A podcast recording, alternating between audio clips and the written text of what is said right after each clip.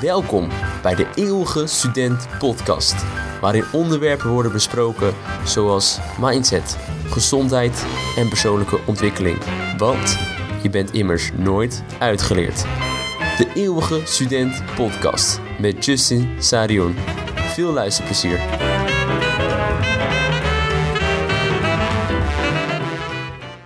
Misschien heb jij nog wel een dagboek liggen van vroeger, toen je nog klein was, als klein kind, waar je elke keer iets opschreef wat je die dag vandaag gedaan had of wat je nog gaat doen, waar je naar uitkijkt.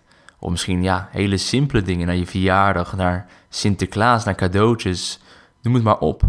Maar eigenlijk is de gewoonte van nagaan en reflecteren en het bijhouden in een dagboek supergoed voor je mentale gezondheid. En daarom doen zoveel succesvolle mensen het door heel de geschiedenis. Denk aan Einstein, Leonardo da Vinci, Darwin, Churchill, Che Guevara, Anne Frank, Socrates, Plato, Aristoteles. De lijst kan oneindig doorgaan, maar wat blijkt is dat heel veel succesvolle mensen de gewoonte hebben gemaakt van een dagboek bijhouden, van een journal, journalen. Elke dag stilstaan en iets opschrijven over hunzelf, wat ze hebben meegemaakt, wat ze nog willen bereiken en noem het maar op. Benjamin Franklin gaf zelf aan dat hij een dagboek had waar hij elke ochtend mee begon en opschreef: Wat zal ik vandaag gaan doen? En aan het einde van de dag pakte hij zijn dagboek er weer bij en stelde zichzelf de vraag: Wat voor goeds heb ik vandaag gedaan? Steve Jobs deed dit ook in de vorm van kijken naar zichzelf in de spiegel en schreef het op op de spiegel. Zo zie je dat mensen van verschillende plekken op de aarde, verschillende tijdzones, zelfs man en vrouw, iedereen, alle succesvolle mensen houden een journal bij. En daarom ging ik zelf de uitdaging aan om dat ook te doen. Ik heb wel eens gejournald, maar ik had het nog nooit lang volgehouden. Niet consistent, een week lang bijvoorbeeld. Daarom ging ik mezelf de uitdaging aan om 60 dagen lang te journalen. Elke dag bij te houden, elke dag iets op te schrijven. Om aan het eind van die 60 dagen een aflevering te maken, speciaal voor jullie. Om mijn ervaring te delen, hoe ik het zelf vond. Hoe je zelf kan beginnen met journalen. En zou ik het nog een keer doen, ja of nee? Dat krijg je allemaal te horen in deze aflevering, aflevering 14, 60 dagen journalen. Maar om terug te komen bij journalen, leuk dat zoveel mensen het hebben gedaan inderdaad. Maar wat voor effect heeft het? Er is heel veel onderzoek al naar gedaan en wat blijkt? Ten eerste, journalen helpt tegen stress en angst. Het vermindert het. Het zorgt ervoor dat je je emoties op papier kan plaatsen, dat je het een plek kan geven, waardoor stress en angst vermindert. Het hoeft zich niet meer uh, op te stapelen in je hoofd, maar het kan op papier komen, waardoor je er bewust van wordt. Het heeft zelfs uit onderzoek gebleken dat het astma blijkt te verminderen bij sommige mensen, omdat ze rust nemen en na kunnen gaan over hun symptomen. Een ander punt wat uit onderzoek is gebleven, gebleken, is dat de cognitieve functies van personen omhoog gaat. Dit komt omdat mensen actief bezig zijn met denken met hun neocortex, eigenlijk het denkbrein, wat ons echt de moderne man maakt, en dat op papier zet. En door het schrijven, door het denken, door het nagaan, zorg je ervoor dat je brein getriggerd wordt, gestimuleerd. En vaak denken we dat ons brein altijd bezig is, maar als wij bijvoorbeeld op ons telefoon zitten of een film kijken, dan is ons brein best wel passief bezig. Terwijl als we lezen of schrijven, wat we bij journalen dus doen, is ons brein actief bezig. Het is actief op zoek naar woorden om jezelf te beschrijven, naar herinneringen die je hebt meegemaakt, naar doelen die je misschien wilt behalen. Misschien naar een verhaal zelfs, naar een quote. Of misschien komt er zomaar een gedachte, misschien wel gedachtescheet om het zo maar te zeggen, in je op, die je op papier kan plaatsen. Waardoor inderdaad die cognitieve functies eigenlijk getraind worden. Net zoals je in de gym zou gaan om elke keer re-raps te maken, zodat je spieren groter worden. Zo worden dus ook je cognitieve functies steeds beter. Nou, er zijn zoveel verschillende journals die ik, waarmee je kan beginnen, die ik eerst zal toelichten. Een voorbeeld hiervan is bijvoorbeeld, je kan journalen over dankbaarheid. Denk eraan bijvoorbeeld dat je elke ochtend of elke avond opschrijft waar je dankbaar voor bent. En als je dat nou moeilijk vindt, dan kan je ook beginnen met drie dingen die je dankbaar voor bent. Wat daar zo mooi aan is, is dat het begin heel makkelijk is. Je kan in het begin heel makkelijk iets vinden waar je dankbaar voor bent. Je bent dankbaar voor waar je woont, voor je vrienden, voor je huis, voor je baan, voor je hond, noem het maar op. Maar met de regel dat je niet iets mag herhalen, wordt het, wordt steeds lastiger. Dus elke dag moet je weer op zoek naar iets, actief op zoek naar iets waar je dankbaar voor bent. En doordat je die mindset hebt, ga je ook steeds positiever in het leven staan. Want je gaat op zoek, bewust op zoek naar iets positiefs uh, wat je die dag hebt meegemaakt. Waardoor je dagen veel positiever worden en je weer iets kan opschrijven. Dus kom je eigenlijk in een positieve spiraal terecht. Je kan ook een journal gebruiken om je emoties los te laten. Dus juist misschien naar de donkere plekken in je gedachten of in je emotionele staat. Om het allemaal even op papier te plaatsen. Denk aan misschien een break-up, een baan die je hebt verloren. Misschien net een uh, onprettige situatie met een verlies van een familielid. Noem het maar op. Dat is het moment om te reflecteren en al je emoties op papier op te schrijven. Om het allemaal uit je systeem te halen en te kijken hoe je nou echt voelt. Een derde vorm van journalen is gewoon bullet points. Schrijf gewoon drie bullet points dat kan overal gaan. Maar dat je het feit dat je je dag samenvat met drie bullet points of meerdere. Dat je gewoon momenten hebt, niet per se een verhaal, maar iets wat je kwijt wilt. Bullet punt 1, ik ben naar de winkel geweest. Bullet punt 2, ik heb een oude vriend weer gezien. Noem het op, het hoeft allemaal niet zo ingewikkeld.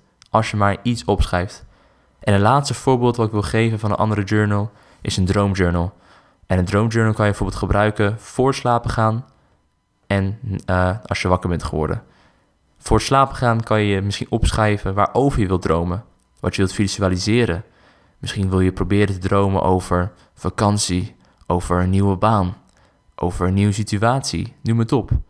Misschien gaat het de eerste keer niet lukken, maar je stuurt wel je gedachten de goede kant op om het te laten gebeuren dat je daadwerkelijk droomt over wat je hebt opgeschreven. In ieder geval wakker worden en dan opschrijven is makkelijker, want vaak droom je toch al. Het is lastig om echt te onthouden. Daarom is het handig om een journal bij je te houden naast het bed of op je nachtkastje. Dan kan je gelijk opschrijven waarover je hebt gedroomd. En na een bepaalde tijd kan je weer je dromen teruglezen. Misschien zie je een patroon. Misschien kan je iets uithalen wat super belangrijk is en super interessant. Want dromen zijn zo onbekend.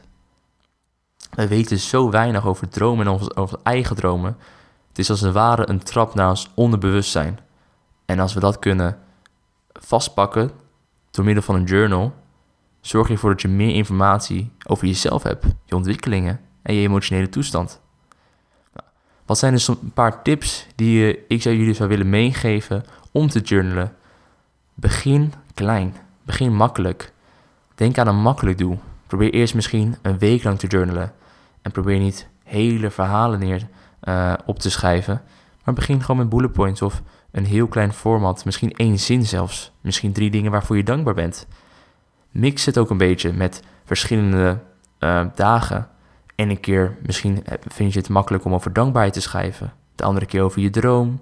De andere keer over emoties. De andere keer bullet point. Wees daar vrij en creatief in. Want dat uh, journalen zorgt ervoor dat je creatiever wordt. Omdat je elke keer bezig bent met opschrijven en iets verzinnen, iets creëren. Uit het niets iets maken. Van een leeg vel papier een verhaal of tekst maken. Dus dat is een heel goed begin. En met klein beginnen betekent ook je journal, je notebook, je dagboek. Koop lekker een klein formaat. Daardoor lijkt het ook of je veel sneller uh, op een goede pad bent, omdat je veel sneller je dagboek uit hebt.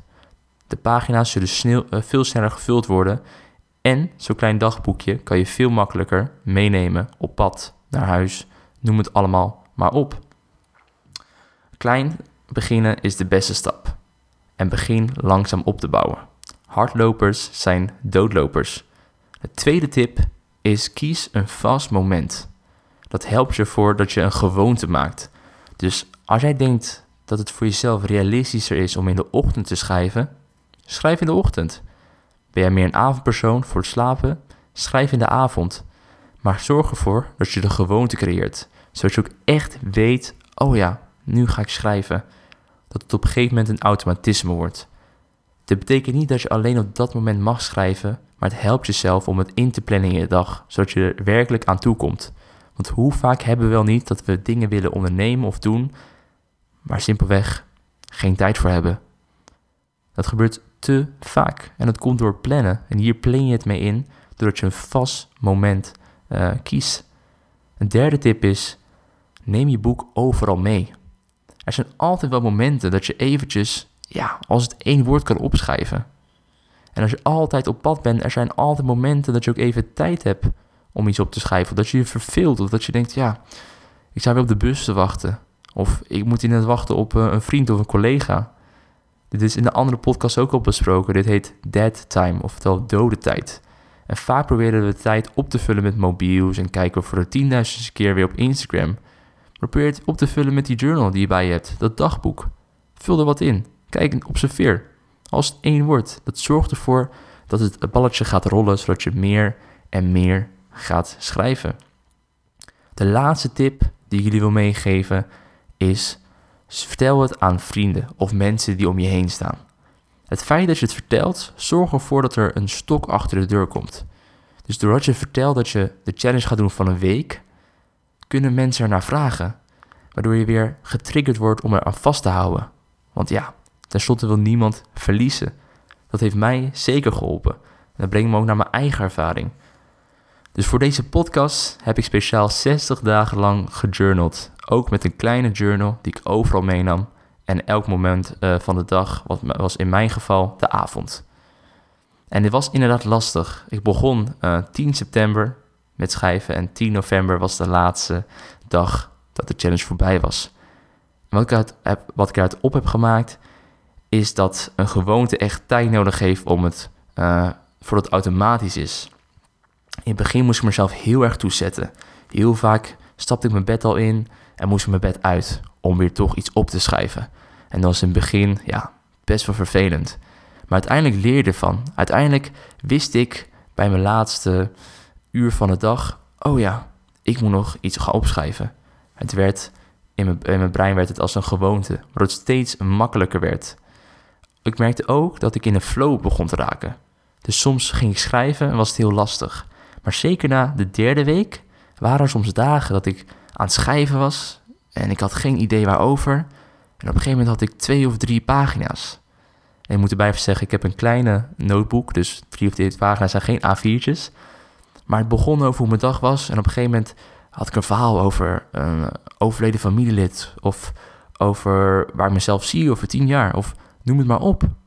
Het kan zo makkelijk gaan, want net zoals je gedachten, dat je soms zo van de hak op de tak kan gaan, zo komt het ook op papier.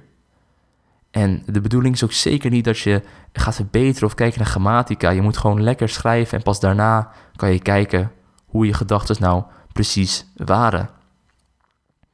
Ik merkte ook dat ik in het begin heel erg positief was. Net zei met dankbaar bijvoorbeeld. Het was in het begin heel makkelijk gewoon mijn dag te vertellen, uh, wat, hoe het weer was, noem het op. In het begin was heel erg oppervlakkig. Maar het had wat tijd nodig, maar daarna ging ik steeds meer de diepte in. Omdat ja, om weer voor de ja, dertigste keer te vertellen dat ik naar de supermarkt ben gegaan, omdat ik weer uh, een podcast heb geluisterd, dat, dat blijft niet hangen. Op een gegeven moment gaat je brein ook andere dingen meemaken uh, van buitenaf. Er gebeuren dingen in je leven die misschien wat minder leuk zijn, maar dan heb je een moment om op te schrijven. En dat is super interessant om te zien. Wat ik altijd heel mooi vind om op te schrijven zijn geluksmomenten. In het leven hebben we diepe en dalen. Uh, diepe en dalen. we hebben tot bergen en dalen, moet ik zeggen.